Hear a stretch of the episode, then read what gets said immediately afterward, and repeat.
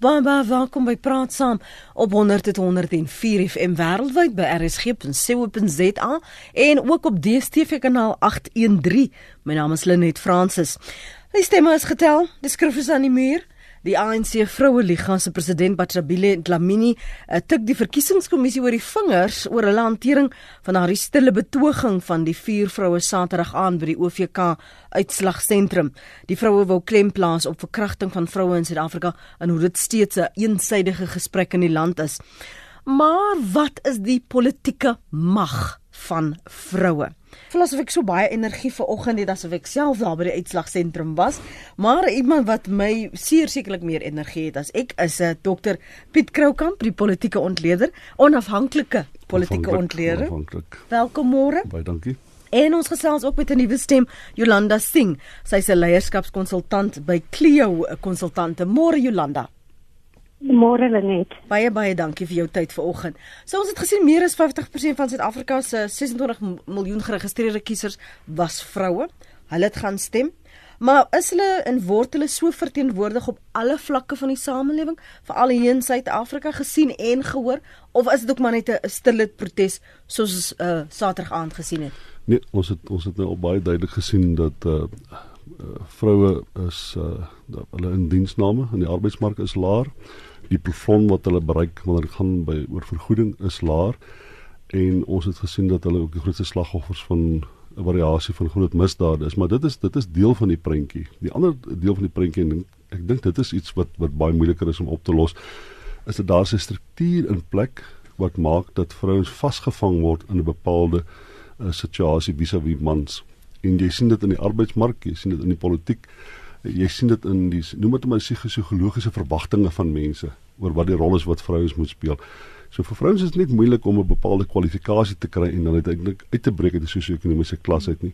Daar's ook 'n hele argitektuur staande gemaak van verwagtinge, uh die manier hoe vrouens gesien word, hoe hulle optree optrede moet wees, ehm um, wat hulle rol in die arbeidsmark is, wat hulle rol in die politiek is en al daardie dinge bepaal dat vrouens eintlik tweede klas burgers is in die wêreld. Nie net in Suid-Afrika dis wêreldwyd die verskynsel dat vrouens sukkel om deur die plafon te te breek. As jy dink Hillary Clinton het onlangs toe sy die uh, kandidatuur aanvaar het vir die demokratiese party in Amerika toe sê sy I broke through the ceiling.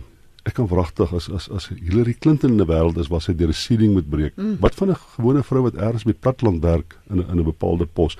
So wat ek probeer sê is ek dink nie vrouens is naaste by bevry nie en uh, die, die die punt wat ek dink wat wat jy mee begin het was uh, oor die punt wat vier vroue gemaak het oor kwessie by die president wat wat hulle gesê het dat die gesprek wat plaasvind, die manier hoe ons die politieke gesprek plooi in Suid-Afrika is ook nog steeds 'n manier van ons vergeet maklik van die dinge wat die grootste skade berokken en dit het dikwels met vroue te doen.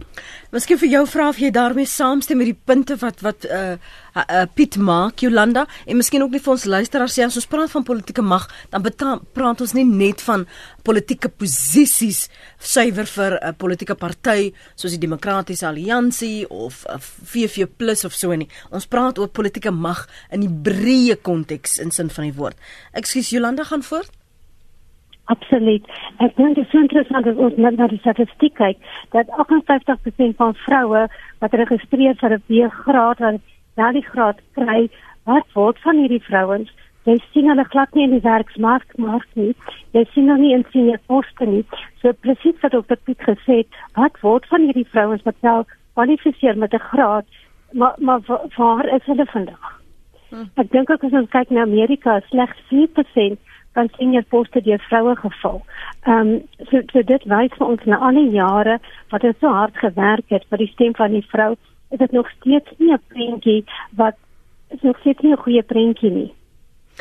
Um, ja, sy as die, ek dink sy's reg. As jy kyk in Suid-Afrika, kom ons vat nou net die subkategorie wat voorheen bevoordeel was, net vir wie dit redelik maklik moet wees om aan te pas by die nuwe vereistes van die wêreldekonomie. Wit wit Suid-Afrikaners, wit mans is 74% van alle wit mans wat tussen 15 en 35 of 19 en 35, sorry, 19 en 35 is, is in 'n formele pos. Net 52% van wat vrouens is.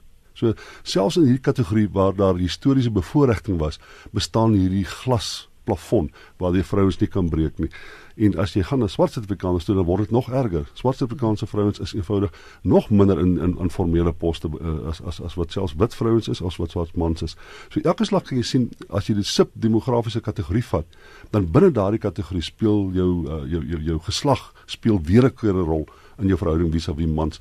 En dis hoekom ek sê die argitektuur wat bestaan, daar's 'n daar's 'n iets wat dit is meetbaar, maar is amper onsigbaar waar vrouens en vasgevang word wat se eenvoudig nie van ons snap nie. Ek hou van die wys dat jy praat van onsigbaar want ek wil dit bring my terug na die die verwysing van aan die glasplafon dan ons is oor die jare die laaste paar jare juis wys gemaak Jolanda dat hierdie glasplafon bestaan nie meer nie. Ja, die ehm um, net ek het nog 'n interessante perspektief oor hierdie glasplafon en ek dink ek wil dit heeltemal die gesprek na 'n ander vlak toe vat. Ek dink as ons kyk na na die wêreld rondom ons, dan is baie van die strukture is besig om mekaar te val. Die politieke strukture, die ekonomiese strukture, alles om ons is besig om dit te integreer. En ek dink dit is 'n resultaat en dit gaan nog al baie kontroversiële punte wat ek nou gaan maak. Maar ek dink dit is die resultaat van 'n baie manlike energie wat die wêreld bestuur het vir dekades. En ek dink as ons regtig moet kyk na die samelewing en of die samelewing kan voortbestaan, is dit so belangrik vir vrouens om ons ons stem te handhaaf want ek dink die, die toekoms van die samelewing hang af van 'n baie meer vroulike energie want die manlike energie die impak wat dit op die wêreld gehad het is nie 'n goeie prentjie nie So ek ek dink dit is so belangrik dat ons hierdie gesprek moet begin voer nie net van 'n politieke perspektief mm -hmm. nie, maar ek die Afrikaanse woord kan gebruik, sustainability van die samelewing is vir my die belangrike punt hier. Mm, die volhoubaarheid daarvan. Ek het nou verwys dat ons praat nie net van politiek in die breë sin nie, maar kom ons staan gou sin by die suiwer politiek van wat ons gesien het die afgelope munisipale verkiesing. Die stemme wat werklik enigstens dekking gehad het en dan was dit ook nie so baie gehoor nie. Daar was meer oor hulle gepraat. Is Patricia de Lille Tokodediza. Niemand anders nie. Daar was nie vroue nie. Waar is die vroue? Ja, ek ek dink daar's daar's daar sal seker mense daar buite wees wat sê maar uh, die bevryding van die vrou kan nie geskied deur die man op 'n een of ander manier uh, te bev te bevry nie. Jy sal vrouens hulle self op 'n manier ook met handhaaf en vestig. En daai argument het altyd die uh, veronderstelling in dat dit uh, 'n uh, logiese pad is wat jy net stap en dit maklik is en daar's geen bepaalde plafonne ingebou nie. Daar's geen struktuur wat wat vir ons noodwendig terughou nie. Maar dit is so dat die manier hoe ons ons kultuur geformuleer het. As jy kyk byvoorbeeld in by 'n Afrikaanse politieke party soos die Vryheidsfront, ek bedoel dis daar's daar's baie min vroue daar. As jy na die DA toe gaan, is die vrouens wat sê net maar 'n bietjie meer liberaal dan word die vrouens 'n bietjie meer. Die ANC ironies genoeg is die enigste party wat ek weet wat op hulle kieslyste een vrou, een man, een vrou minstens op die nasionale kiesstelsel, weet met die algemene verkiesings, mm. dan gee hulle 'n 50% kans vir vrouens om deel te word van die stelsel. En dit is nie as gevolg van 'n vorm van regstellende aksie nie. Dit is 'n eenvoudige manier om op 'n klein skaal die plafonne te breek waar die vrouens moet sukkel om te kom. Om uiteindelik, jy moet onthou, veral in Suid-Afrika waar vrouens uit 'n landelike omgewing grootliks moet kom en dan hulle self moet vestig in 'n stedelike gebied is dit nog nog moeiliker. Dit is boonbehalwe jou vlak van onderwys en opleiding wat alreeds dit vir jou moeilik maak, is dit daardie migrasie wat jy moet maak van 'n bepaalde sosio-ekonomiese omgewing na 'n stad toe. Maak dit eenvoudig baie baie moeiliker. En dan natuurlik die die rol en die funksie wat wat wat wat vrouens vervul as primêre primêre versorgers in ons samelewing. As jy weet 64% van alle kinders in Suid-Afrika word groot in huis waar daar net een groot mens in is, né? En in 70-80% van daai gevalle is dit die vrou wat daardie verantwoordelikheid opneem. Met ander woorde, die vrou neem verantwoordelikheid vir die gebroke gesin ook in Suid-Afrika. Nou as dit jy nie gaan teruggaan nie, as dit nie 'n plafon voorsien nie, dan weet ek nie wat gaan nie. Mm. Maar Leen is op die telefoon. Môre Marleen. Môre gaan dit? Goed en jy?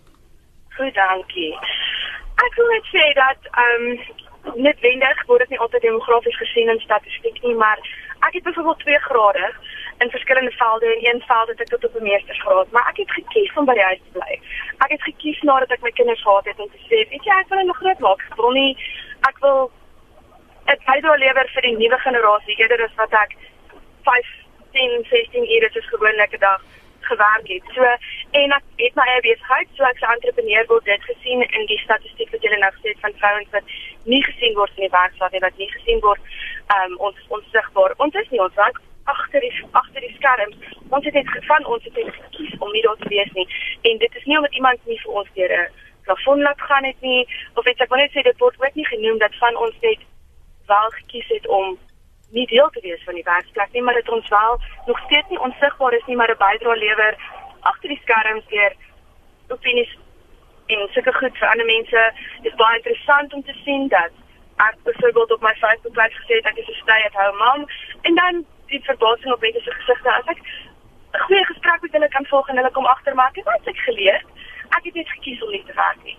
Dit is daar's ook 'n ander kant om te sê dat ja, dit word nie statisties gesien nie, maar dit is nie omdat ons gekeer was om iets te doen nie, dit is net omdat ons gekies het om dit nie te doen nie.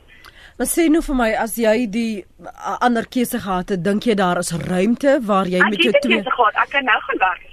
Ja, maar en dink jy hou net so vas? Kan ek gou voltooi? Ja, um, jammer. Die feit dat jy as daar wel 'n ander as jy 'n ander keuse sou maak, dat jy maklik genoeg 'n werk sou kry in die omstandighede gegee die omstandighede in Suid-Afrika? Ek sou. Ek gaan eerlik met jou wees, ek het 'n paar aanbiedinge gehad. Okay, dan moet ek ook sê dat ek wel ehm um, en niemand het ek het nie my graad gekry of iets nie. Ek het ook 'n lening gehad, ek het dit ook teruggewerk.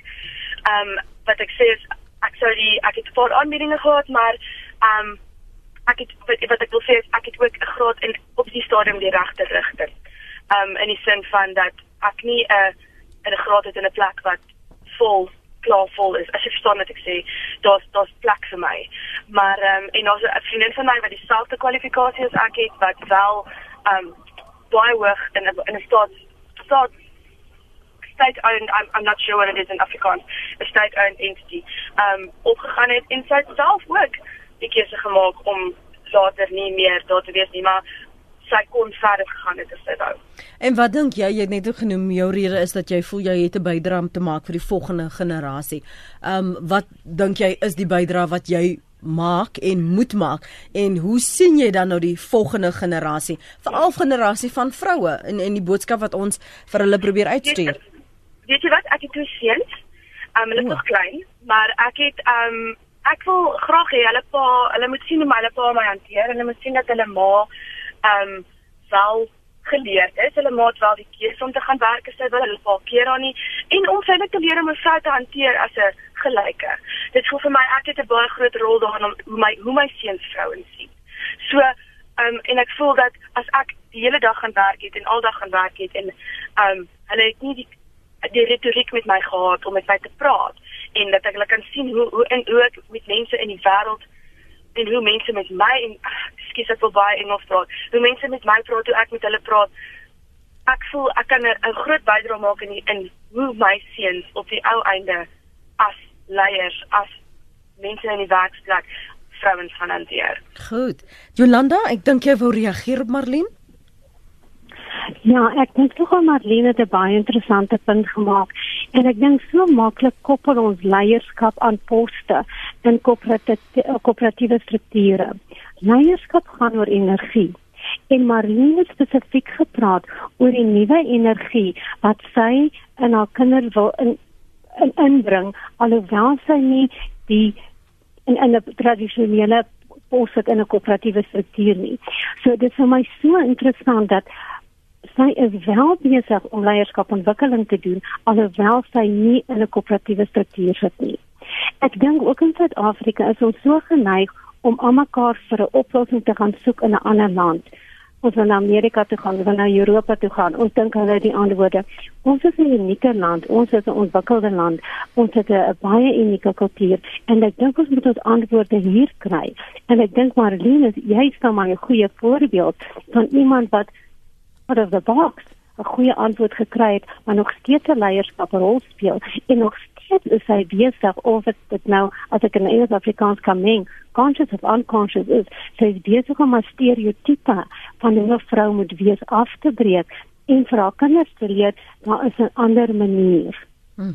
Wie ek hulle net ek net as ek as ek as ek Marlene sê ek net oor een ding baie versigtig wees en dit is uh, mens moet ook by jou kinders die boodskap tuis vat dat jy uiters bevoordeel is as jou ma of jou moeder die keuse het met Marlene. Daar's nie baie ouers of moeders wat die keuse het nie. Ek dink nie by verre die meerderheid. Ek dink sy is waarskynlik 2 of 3% van alle vrouens in Suid-Afrika wat werklik die keuse het om te sê ek kan die totale kwaliteit mens wat ek is investeer in my kinders en ek kan dit by die huis doen. Ons is nie almal so bevoorreg nie. Dis baie baie min en jy moet daai waardes moet jy ook nie jou kind oordra. Jy moet versigtig wees dat jou kind nie uiteindelik dink dit is normaal dat uh, ons in hierdie situasie is waar ek al die aandag van my ma gaan kry en dat sy uh haar totale tyd in my kan investeer nie en dit is eintlik bitter min met die werklikheid in Suid-Afrika te doen. Kom ons hoor gou wat het Nathan op die hart dan lees ek jou kommentaar op sosiale media. Dankie aan uh, Connie en uh, Christie van uh, Rietbron. Ons kom nou by julle môre Nathan. Goeiemôre Lenet. Ek is nog koud, ek is nog in die bed. nee, okay. Goed. Ja, ek bly in met so splein, okay? En dit voel vir my as jy sien, hoor weet jy my rugsland so koud is dit. Okay. Kyk. Lenet, dit is goed en dit is ook nie goed dat 'n vrou in masposisie moet wees nie net. Ek het vader dag vir dag en uh, ek sien hoe onwelvoeglik vroue handel, né? Nee? Okay, maar hou gou vas. Jy sien, okay, jy moet nou miskien ook net sê Onthou ons almal praat van verskillende perspektiewe. So wat vir jou wel onwelvoeglik is, is dalk aanvaarbare gedrag vir iemand anders. OK. Goed, mag gaan voort. OK. Uh kyk, baie vrouens uh, is baie aggressief. Mm. Hulle aggressiewe houdings uit uh, uh, op die werkplek en en en selfs in die politieke afdelings ook. Ek het opgelet is dat hulle wil nie geleer wees nie of reggewys wees nie. Verstaan? Uh, ek stem saam uh, uh, uh, uh, dat die vroue word sommige tye gedomeineer deur die man in die politieke kringe. En uh, wat ek ook wat ek ook soms bestem is sou die pol sou daar 'n vroue president eendag voor 'n dag kom, né? Dan sal ek daarvan hou dat uh, die doodstraf ingestel moet word. Omdat die vroue maklik doodgemaak. En die vroue word baie maklik word die vroue aangerand en al die tipe verkeerde dinge word aan die vroue gedoen.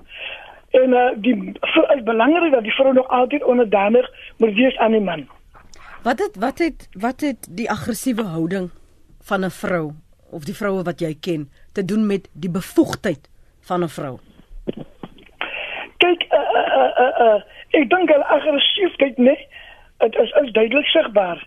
Nou nou ek ek weet net dit is ek steek net nie saam met 'n vrou wat wat sulke houdings uithaal nie. Ja, maar wat het dit te doen met of sy die werk kan doen dat sy bevoeg is as sy aggressief is? Wat het dit te doen met kan sy die die job doen, Nathan? Of nie? Uh, nee, nee baie van hulle kan nie die werk doen nie. Uh uh ek is ek is in in in die teenwoordigheid van uh uh so 'n persoon en uh hulle wil eenvoudig net nie op die regte pad gewys word nie. En uh, jy bly verkeerd, want die man is jy bly eenvoudig verkeerd en as jy die persoon regwys uh uh, uh kyk luister, dit is verkeerd, dan klim hy persoon net nie van jou reg af nie en die persoon probeer jou net wegwerk. Dit is so.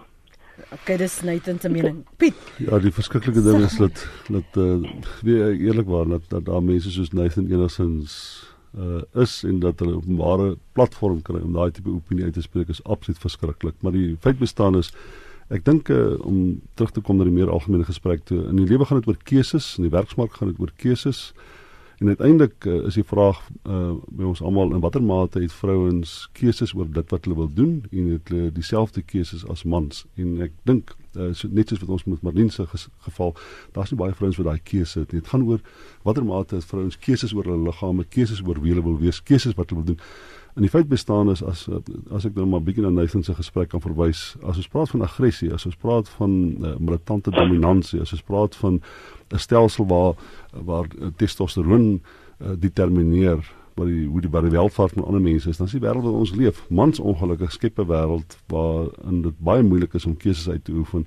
Kyk maar uh, misdaad in Suid-Afrika, dit word deur mans gepleeg. Oorlog word deur mans gepleeg. Die meeste destruktiewe tendense in die politiek, in die sosiologie, in die psigologie uh, is komende vanaf mans. As ons 'n uh, pil kan kry vir mans om hulle testosteron te verlaag het ons dalk 'n veiliger en 'n beter wêreld vir vrouens en kinders ook geskep. Ja, ek gaan nou vir Teresa gaan uh, Teresa, ek sê Jolanda gaan jy nou nog geleentheid gee om, om saam te praat. Ek wil net gou vir jou vra want jy het net nou verwys na Hillary Clinton en ons het gepraat oor keuses en dat Hillary self praat van hierdie glasplafon en, en dit men nou laat dink aan Theresa May, dit my laat dink aan aan Angela Merkel, uh, selfs Dilma Rousseff.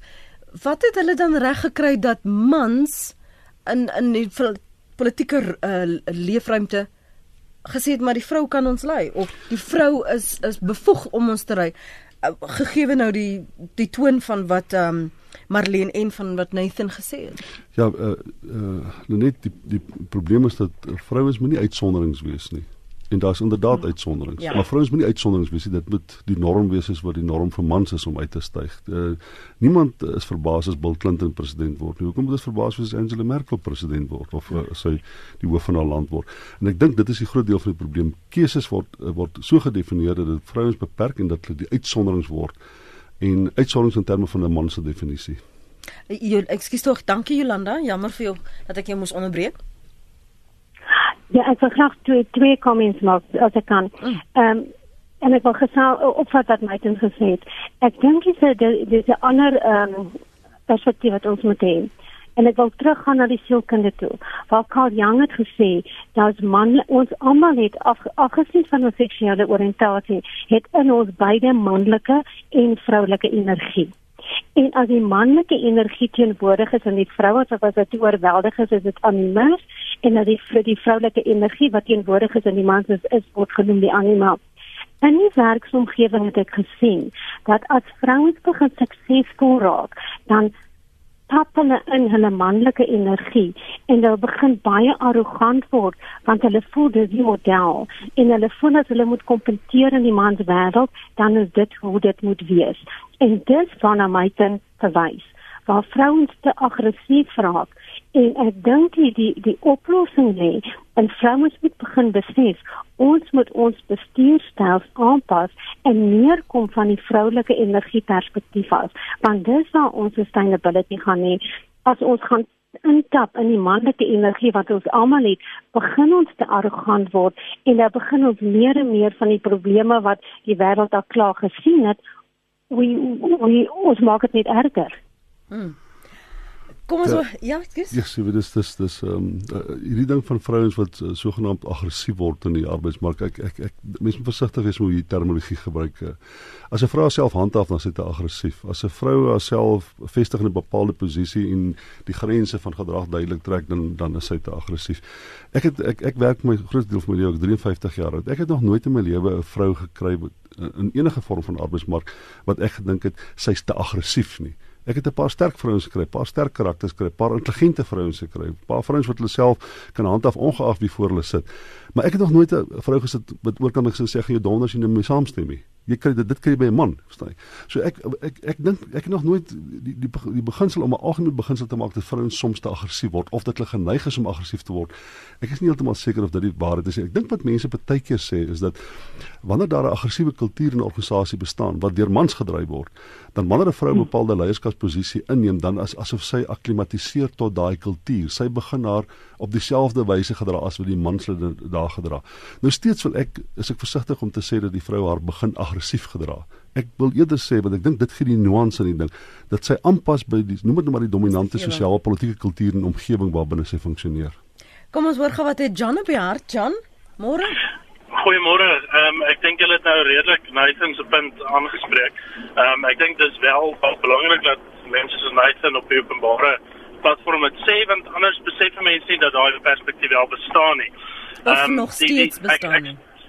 Stem saam dat ehm um, die daar's duidelik twee dubbelstandaarde of daar's dubbelstandaarde as mans so optree dan is dit ehm um, partykeer ag goeie sakemanne en as vrouens so optree dan is hulle aggressief. So ek dink dis dit wel waar mense kry dat daar daai ehm um, glasplafon bestaan. En ehm um, iets iets wat ek altyd hoor en dit is nie net met wat vrouens betref nie, maar dis baie keer ook wat ehm um, ras betref is almal praat van al soveel mense wat grade doen en wat word van hulle. Maar moet ons nie 'n slaggie begin om agter om te volg wat word van hulle nie, want heidaglik praat ons altyd hierdie gesprekke half in die lug om te sê ja, daar's soveel mense en wat word van hulle? Maar kom ons gaan vind uit wat word van hulle. Dan kan ons dalk agterkom wat sosiaal werklik aangespreek moet word en nie of lukraak probeer dink wat die probleem is nie, maar dis my punt. Dankie. Voor jy gaan, kan ek net gou vinnig vir jou vra, veral omdat ons soos in die algemeen die diskurs en perspektiewe wat mense het, vir jou vra, jy kry gewoonlik en dit is nie net vroue maar nie, maar dis baie keer wat vroue praat oor die glasplafon, die geleenthede wat nie bestaan nie, die feit dat hulle nie keuses het nie. Is dit 'n gesprek wat mans met mekaar het oor wat hulle doen wat hulle nie doen nie dat hulle nie deel is van die of die belegging of die bevordering van vroue nie omdat hulle 'n ander geslag is nie maar omdat hulle eintlik die beste man vir die werk is nie. Kyk as as 'n wit man uh, bestaan daar 'n gesprek maar die gesprek bestaan baie keer eerder om 'n rasbasis as werklike geslagsbasis. Ehm um, en ek dink ook wel partykeer 'n in 'n minderheid het ons 'n gesprek oor wat wat is die negatiewe wat vrouens behels? Maar ek dink dit is baie duidelik dat die mark daar buite uh, is is baie meer ingestel op ehm um, mense se persoonlike ehm um, belang. So vir vir die meeste ouens om te sê maar op hierdie manier gaan ek vrouens bevoordeel beteken moontlik tot 'n mate uh, dat hy nie aan sy eie selfsug aandag gee nie. En dis dalk waar daai gesprek platval. Dankie vir jou jou oproep John Barry is ook op die lyn. Barry, luister.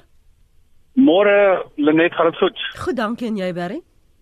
Lenet, my hart bloei vir vrouens wat daai uh, om nou Piet aan te haal die hele tyd moet 'n keuse maak tussen hulle beroepslewe en hulle ma-rol. Ek het 'n gevoel dat ons samelewing glad nie voorsiening maak vir die moontlikheid dat 'n vrou wel nog 'n professionele vrou kan wees en meer tyd by haar kind kan spandeer nie. Ek wil ek het vriende en familie met kindertjies dan kom die ma man 5 uur, half 6 by die huis. Verstaan jy? Dan moet hulle nog die kind versorg. Dan moet hulle nog aandag aan hulle ma's, aan hulle mans gee. Dit is net 'n onhoudbare situasie. Kan ons nie 'n stelsel skep waar 'n vrou as sy nog kinders het, sê tot 2:00 die middag kan werk. Sodat sy daarna as die kinders van die skool af kom, 'n ma kan wees, rustig kan wees en dan in daar nie teenoor op grond daarvan gediskrimineer word nie. Sodat sy wanneer die kinders dan uiteindelik ouer is, weer 'n voller werkdag kan insit. Is dit nie is daar nie so moontlikheid in ons samelewing om 'n een-een benadering eerder of of benadering te hê nie? Dis 'n fantastiese voorstel, maar daar's dit een swak plek in daai voorstel. Hoekom moet dit die vrou wees wat se lewe so geplooi word? Hoekom kan mans en vrouens nie beide daardie funksie vis-à-vis hulle kinders vervul nie sodat dit soms vir 'n man belangrik is om 2:00 die middag huis toe gaan sodat hy vanmiddag na sy kinders kan kyk nie. Ons moet net daai die manier hoe ons dink baie keer verklap Ek ek kan ek jou stop. Ja, yes, ja maar ek wil baie wat ek wil jou nou dit vra. Ek wou nou hoekom vra? Hoekom kan die man nie al die toegewings maak en en vroeër kom en en dan is dit nie vreemd nie, dan is dit nie die uitsondering nie. Net uh, ja. ek nee ek stem saam. Mm. Ek as ek nou gesê vrou is omdat die gesprek oor die vrou ja, ja, gaan. Dis al hoekom ja. ek gesê vrou. Nee, nee ek stem saam. Ek weet van 'n ek het gister by my suster gehoor van 'n 'n man wat op uh, Robertson woon wat 'n besigheid het.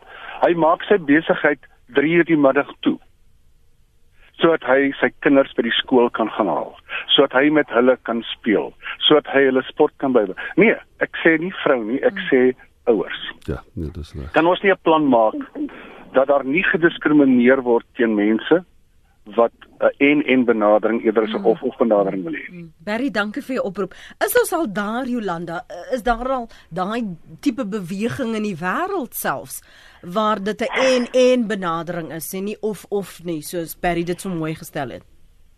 Net ek dink dit is 'n baie gekompliseerde saak en ek dink dit is so belangrik ons praat hieroor. Want ek dink dit dit gaan vir my oor stereotipe. En daar is nog so stereotipe as 'n man by die huis bly om na die kinders te kyk sodat die vrou die broodwinner kan wees. Ek het dit gesien hier, ek het dit gesien oor see ook. So dit gaan oor ons stereotipe hoe ons nog steeds mense in in bokse sit en ons nog steeds verwag hoe goed in die verlede gewerk het is hoe goed nou moet werk. Ek dink die toekoms gaan wees vir die mense wat bereid is om uit hulle paradigmas uit te stap en te begin sê hoe my pa, my ma, my oupa en my ouma die ding gedoen het, gaan nie vir my werk nie. Want die wêreld rondom my is nie meer so nie. En ons moet almal ons eie truth as ek dit so kan so kan stel. Want daar is nie een antwoord wat van almal gaan pas nie, maar die huidige model gaan ons nie in die toekoms invat nie. Ons moet kreatief begin dink en ons moet almal hard werk oor ons stereotipe van hoe hoe ons grootgemaak hoe dinge moet werk, want dit gaan ons nie in die toekoms nie vat. Franna wil 'n uh, mening ja. lig môre. Goeiemôre. Ja. Ek gaan net baie kortliks 'n pragmatiese puntjie stel en dit is eerstens as ons nou kyk in Suid-Afrika na waar daar vroue regeer op die oomblik, Kaapstad en dan ook die Wes-Kaap dan moet ek daarom sê die vroue doen baie baie beter as die ander manne wat regeer oor die land. En tweedens Nathan. Die man het nou nie eintlik uh hy hy het goeie punte gehad want hy het eintlik Er is geen gebel om sy eie huweliksprobleme op te los. Dit het nie regtig gegaan oor vrouens en mans nie. Hy het net vir julle gesê hy kry swaar by die huis. Maar dis nou weer Franna se mening daardie oor Nathan se huwelik. Ja. ja. Franna en Nathan met mekaar verkieslik nie ontmoet binnekort. Ja. C.E. Erasmus skryf 'n uh, dame se karakter is belangrik. Clinton se spreekboekdele daarom kan sy deurbreek. Bil vir die haar as vrou en hulle mekaar. 'n Vrou is die belangrikste vir die toekoms. Sy bring die toekoms in die wêreld. Wat is groter en belangriker as dit? Geen man kan dit doen nie. Uh hy wie 'n goeie vrou vind het van die waardevolste skatte gevind. Ek is een van hulle. Waarom jaag vroue na wind en miskyk die waardevolste van alles? Daarom is dames so min in die gentlemans, nie meer daar nie. Seker nou die gentlemans. Um dan skryf um Connie van Dana Bay Ons grondwet bied 'n raamwerk vir die bevordering van geslagsgelykheid en daardeur ook vir die deelname van vroue aan wetgewing. Die grondwet bevat verskeie bepalinge van geslagsgelykheid bevorder. Hoewel vroue die meerderheid van die Suid-Afrikaanse bevolking uitmaak, speel hulle nog steeds 'n ondergeskikte rol in besluitneming. Daar is talle uitdagings wat verhinder dat vroue 'n volwaardige en 'n betekenisvolle rol speel en die vernaamste hiervan is armoede. Die meeste vroue is nog nie ekonomies bemagtig nie. Tradisioneel is vroue die behoeftigste deel van die Suid-Afrikaanse bevolking en is hulle die meeste blootgestel aan werkloosheid en of onvoldoende indiensneming. Verder raak HIV vigs 'n veel groter persentasie vroue as mans. Christie van Rietbron het gesê die dames was wettig daar. Dis nou na aanleiding van die stille protes Saterdag aan by die OVK se uitslagsentrum en sy sê die dames was wettig daar en hulle het hulle demokratiese reg uitgeoefen. Wat maak um, meneer Zuma so spesiaal dat hy nie geteken mag word nie? Dis nou net die strekking van die esse die eposse tot dusver wat ons gekry het. Ek sal nou loer wat sê julle op ons uh, SMS lyn by 34024. Jolanda vertel gou vinnig vir ons ons hoe die situasie anders lyk indien enigsins in die ooste uh, en hoe vroue tot hulle reg daar kom veral vroue in leierskapsposisies na aanleiding van die studie wat jy gedoen het. Ek doen baie dankie. Ek doen baie bestuursontwikkeling in die Midde-Ooste en ek doen dit met met perde wat uh, baie unieke maniere is om leierskapopleiding te doen en ek is ehm um, elke jaar as ek na die na die Midde-Ooste toe gaan, is ek so ehm um, verbaas oor die wanopvatting wat daar bestaan oor vroue in die Midde-Ooste. Oor die algemeen is daar daar die gevoel dat hulle baie ondergeskik is en dat nie 'n plek in die werk nie en hulle uh hulle they just don't have a voice. Um dit is absoluut die teenoorgestelde wat daar besig is om te gebeur. Hulle is besig om te ontwikkel, hulle word aangemoedig om hulle plek in die samelewing voor te staan. Hulle volg almal baie professionele loopbane en hulle is baie gemotiveerd om 'n groot bydrae te maak. So daar's so 'n wanpersepsie oor vroue in die Midde-Ooste en ek dink regtig daar is baie lesse wat ons by hulle kan kan leer. Sy ehm um, hulle is reg om hulle plek in die samelewing vol te vol te staan. Hulle maak nie meer verskoning nie. Hulle, they are there and they're ready. Kan kan ons gou praat oor daardie persepsie? Ehm um, want ons sien wat gebeur in sommige ehm um, lande in die Midde-Ooste waar vroue byvoorbeeld nie eens 'n motor mag bestuur nie. Wat is die persepsies wat vroue uh, dalk aan die res van die wêreld het oor vroue in die Midde-Ooste en wat jy gevind het maar dis die teendeel?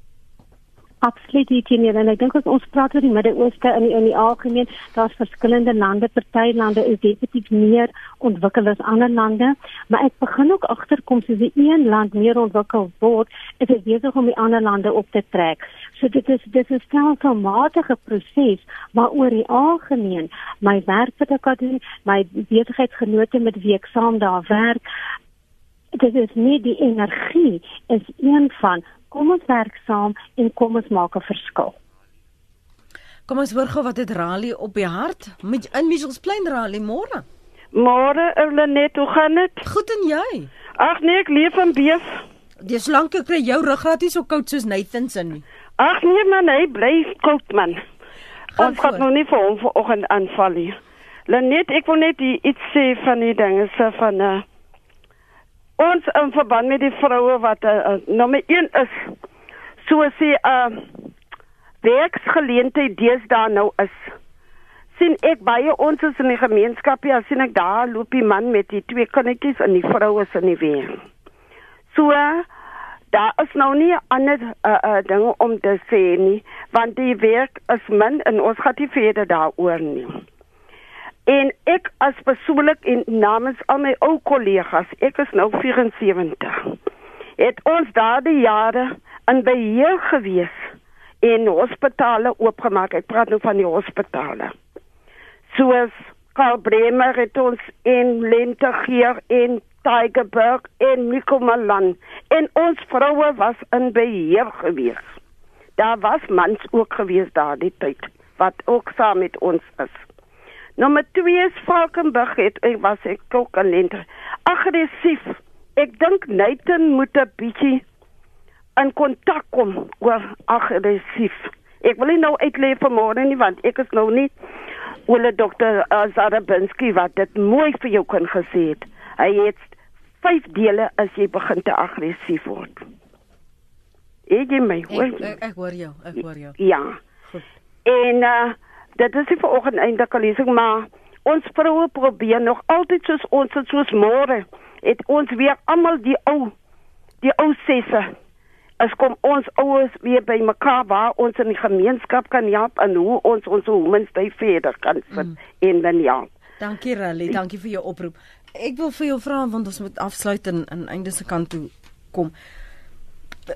Dis 2016 dis vir my vreemd dat ons nog steeds as 'n gesprek het wat ons letterlik 3 dekades gelede ook gehad het. Ja, nee, die die die manier hoe ons osself handhaaf is maar nog baie baie primitief. Een van die goed wat ons nie 'n uh, uh, uh, fout moet maak is om te dink dat vrouens noodwendig soos mans wil wees.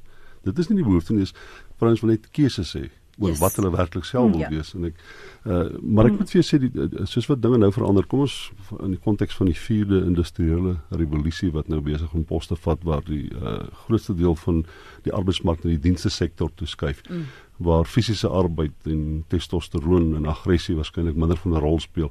So dink ek dan ook dat die wêreld is besig om te verander na 'n plek toe waar vrouens wel 'n groter mate van 'n keuse gaan uitoefen. Maar uh, ons is nog baie ver agter partykeer wat die manier hoe ons praat byvoorbeeld. Ek dink Tuli Martin sê dit baie mooi gister op Twitter het sy dink gesê dat jy ja. moet baie mooi kyk oor uh, wat vir jou belangrik is en wat jy onbelangrik ag want dit sal uiteindelik definieer van hoe jy voel oor hierdie goed en hoe jou standpunt is oor vroue en oor kinders en oor uh, mense wat benadeel word bloot eenvoudig uh, gegee word die posisie waar hulle is. En ek ek uh, luister nou net iemand praat van dames. Nou dames is is een van daai wat vir iets van die geskiedenis vertel want dames het 'n baie spesifieke gedragspatroon wat eie aan hulle is. Maar vroue is iemand met 'n keuse oor wat sy wil wees. En die manier hoe ons praat baie keer definieer ook ander mense in vroue.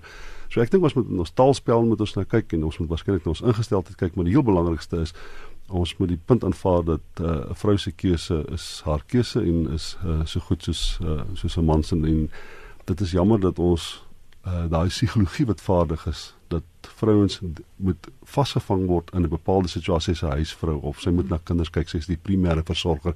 Sy moet vanmiddag huis toe gaan en nog bepaalde verpligtinge dis so asof hulle vasgevang word in 'n struktuur argitektuur waar hy nie kan ontsnap nie. Terwyl mans natuurlik kan doen net wat hulle wil. Hoe maak ons dit dan 'n groter gesprek? Dat dit nie net 'n eensidedige gesprek is of of verkrachting of die posisie van vroue nie. Dat dit nie net ehm um, kom wanneer dit of 'n vroue dag of 'n vroue maand is nie of wanneer dan nou skielik die uitsondering van 'n vroue 'n presidentskandidaat is nie. Hoe kry jy mense dit as deel van die agenda, die die die narratief elke dag sodat daar beweging kan wees, sodat daar ehm um, anders gedink, gepraat, gedoen kan word sodat vroue uiteindelik keuses kan hê. Ek dink dit wat jy nou doen vandag hier is is is waarskynlik uh, uiteindelik kom dit die enigste opsie en dit is mens moet soveel as moontlik daaroor praat die die, die situasie waarin vrouens vasgevang word en uh, hulle gebrek aan keuses moet soveel as moontlik in die openbaar deel word van die gesprek want dit is hoe jy mans gaan aklimatiseer sodat hulle gewoond raak daaraan dat dit 'n genuanceerde gesprek moet wees dat jy nie jou primitiewe instinkte vaardig kan maak en sê maar dit is my opinie nie maar dat jy met jou oop stel vir die waarskynlikheid dat mans baie baie verkeerd is uh, in in die manier hoe ons dinge doen. As jy as jy dink byvoorbeeld in Suid-Afrika, een van die belangrike gesprekke wat deeltyd plaasvind is mans wat eenvoudig net hulle kinders versaak die oomblik wat hulle skei en mans wat hulle funksie en rol vir wat hulle moet vervul in 'n gesin net versaak die oomblik wat die verhouding tussen hom en 'n vrou opbreek. As jy as jy sien 'n 99% van enkele ouers in Suid-Afrika as vrouens, hoekom kan daar nie 50% enkele ouers wees as wat mans is nie? Of hoekom vir dat matter moet enigiemand 'n enkel ouer word? Hoekom kan iemand nie skei nog steeds dieselfde verpligtinge hê as jou kinders hê nie? Nou daar's so baie probleme in die struktuur dat ek ek weet nie of ons al met met die gesprek die volwassenheid kan bereik om mense se koppe te swaai hier oor nie, maar wat ons moet doen is ons moet net nooit ophou praat hieroor nie en dit moet nooit 'n 'n 'n 'n gemarginaliseerde deel word mm. van die openbare gesprek nie. Ons moet dit nie net op Vrouedag doen nie, ons moet dit meer dikwels doen. En ek dink dis wat uh, mense soos julle doen. Julle kry mense op hierdie gesprekke wat 'n ander standpunt verteenwoordig spesifiek wat vroue betref en wat dit oor en oor en oor sê want dit is al wat gaan werk. Dit moet oor en oor gesê word tot mense dit nie meer kan ignoreer nie. Soos wat die president en niemand in Suid-Afrika daai vier vrouens wat daar voor kon staan kon ignoreer nie. Dit is wat vrouens moet doen hulle moet hulle punt maak op 'n manier wat hulle nie meer geïgnoreer kan word nie. Ek dink dit is wat die die die daai oomblik van daai stille protes jou gevang het, is die feit dat ons in stilte ons daar gestaan. Dis 10 jaar later en die goed die verwysings byvoorbeeld wat het geword van. Presies, dis wat hulle gesê het. Wat het wat het oor 10 jaar nie net van kwessie ja, geword nie. Ja, wat het van die gesprek geword? Ja. Die president staan hier, hy's hy dieselfde identiteit, hy dieselfde uh, ingesteldheid en niks het van in 10 jaar het niemand van ons op 'n ander manier begin kyk na die geval van Kwesi nie. Die laaste punt van jou kant vir ons jou ook groet Jolanda. Ek dink dit is baie belangrik dat ons moet ons eie stem kry en ons moet die stereotypes afbreek. En dieselfde tyd is dit belangrik dat vrouens met 'n netwerk begin skep to create our own tribe sodat ons 'n support, support struktuur het wat ons kan kan help met die pad vorentoe. Baie dankie vir jou insette ook vanoggend. Dit was Jolanda Sting, sy's 'n leierskapskonsultant by Clio Konsultante en uh, ons ander gas was die onafhanklike politieke ontleder Dr Piet Kroukamp. Baie dankie vir die saamgesels môre. Uh, vanoggend julle, dankie. Hoop jy 'n wonderlike dag vandag. Dankie vir die saampraat. Sien jou môre.